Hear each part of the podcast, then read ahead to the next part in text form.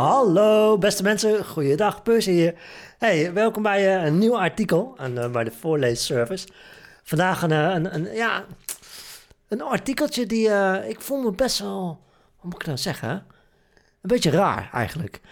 Um, ik krijg heel veel gedaan de laatste tijd en ik, ik barst van de energie. En ik zei al tegen een, een vriend van mij laatst van, ik heb een probleem creëer te veel content.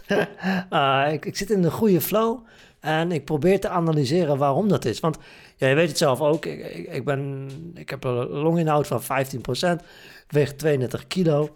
Um, ja, dat is alle reden om, uh, om geen energie te hebben. Hoe komt dat dan dat ik zoveel in die energie zit? En daar gaat het artikel over. Nou, ik heb het nu eigenlijk al helemaal verteld, dus ik je hoeft helemaal niet meer. Dankjewel voor het luisteren. Tot volgende week. nee, laat ik het artikel gaan voorlezen voordat ik het uh, ja, al helemaal voorzeg. Daar komt hij. Waar komt al die energie vandaan? Dat is de titel van dit artikel. Serieus, dit had ik nooit verwacht van mezelf. En voordat ik uitleg wat dat is, wil ik je even een willekeurige dag laten zien in mijn leven. Let op, dit is dinsdag 4 juli 2017. Om half negen sta ik op. En van half negen tot half tien doe ik mijn ochtendritueel. Uh, ik journal een beetje, ik plan mijn dag, uh, meditatie en ik lees een beetje. En op het moment lees ik het boek The End of Jobs. Super interessant, daar uh, ga ik ook nog een video over maken. Maar ja, prachtig boekje. Van half tien tot twaalf uur doe ik wat video-editing en schrijf ik het artikel. En ik beantwoord wat e-mails. Dus ik ben dan lekker bezig. En van 12 tot 1 heb ik lunch, plus ik lees nog wat. En van 1 tot half 2 uh, nam ik mijn video op van Sperry Perry. Misschien hebben die gezien op, uh, op, op YouTube. Dan, uh, daar sla ik een beetje de draak met de spiritualiteit.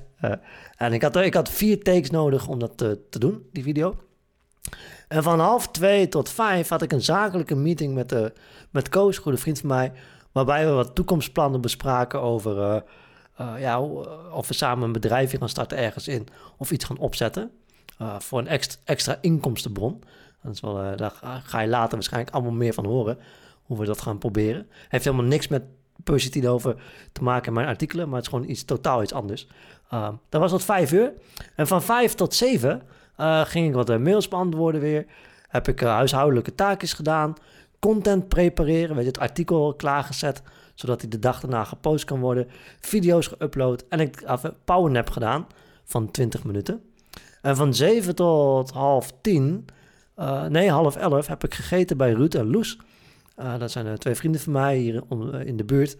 Heb ik ben ik even langs geweest en we hebben voornamelijk gepraat over, over bitcoins en cryptocurrency. Heel cool. Ruud en, en Loes, dankjewel dat ik jullie mocht eten. En van half elf tot half vier in de nacht heb ik de video geëdit van uh, Spiri Perry.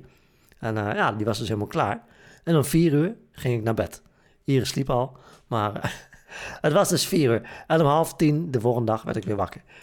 Nou, ik laat je niet mijn dag zien om te pronken hoe druk ik wel niet ben. Nee, ik probeer te analyseren. Want hoe komt het nou dat iemand met maar 15% longinhoud en een lichaam van 32 kilo het zo lang vol kan houden?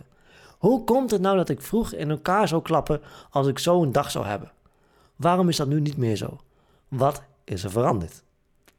Ik vermoed, en dan denk ik eigenlijk, ik weet niet zeker, maar ik denk dat dit de oorzaak is. Ik vermoed dat ik een gevoelige snaar heb geraakt tussen werk en passie. Ik heb iets gevonden, fucking eindelijk, waar ik zo gelukkig van word met het maken van content in de vorm van video en artikelen, dat het mij zoveel energie geeft, waardoor mijn lichamelijke beperkingen er bijna niet meer toe doen. Ik bypass mijn gebreken. Ze doen er steeds minder en minder toe. En I got it. Dat is ook gevaarlijk, want je kan jezelf daarmee ook uh, totaal uitputten. Dus daar moet ik zeker wel goed op letten. Maar toch, ik heb dus ergens in dit lichaam nog heel veel energie om van alles te ondernemen. Veel meer dan ik zelf had verwacht. En weet je, soms voelen we ons een beetje moe, zwak en hebben we altijd een, hebben we even niet de energie in ons. Maar ik, ik wedden dat we dat allemaal wel hebben. Dat we wel allemaal energie in ons hebben, maar dat even niet voelen. Geloof je me niet? Let op, testje. Stel, hè, lees het artikel nu, of je luistert. Hey, je bent een beetje moe, een beetje vetloos. Maar opeens gaat het brandalarm af. Wedden dat je dan opeens energie hebt om te gaan rennen? Wedden?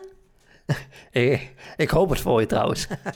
Ik denk, en dat is een aanname die ik voorzichtig maak, ik ben namelijk geen dokter, dat wanneer je echt iets doet wat je echt uit vrije wil wil doen, met plezier, met drive, haast als een obsessie, dat er dan zoveel energie loskomt dat je geen flauw, geen fuck idee hebt waar je het vandaan haalt. Zo voel ik me momenteel. En ik verbaas me zelfs om. Net zoals Iris. Die zei zoiets van, je bent heel anders dan een tijdje geleden. Hoe kan dat opeens? Nee, ik had het niet verwacht van mezelf.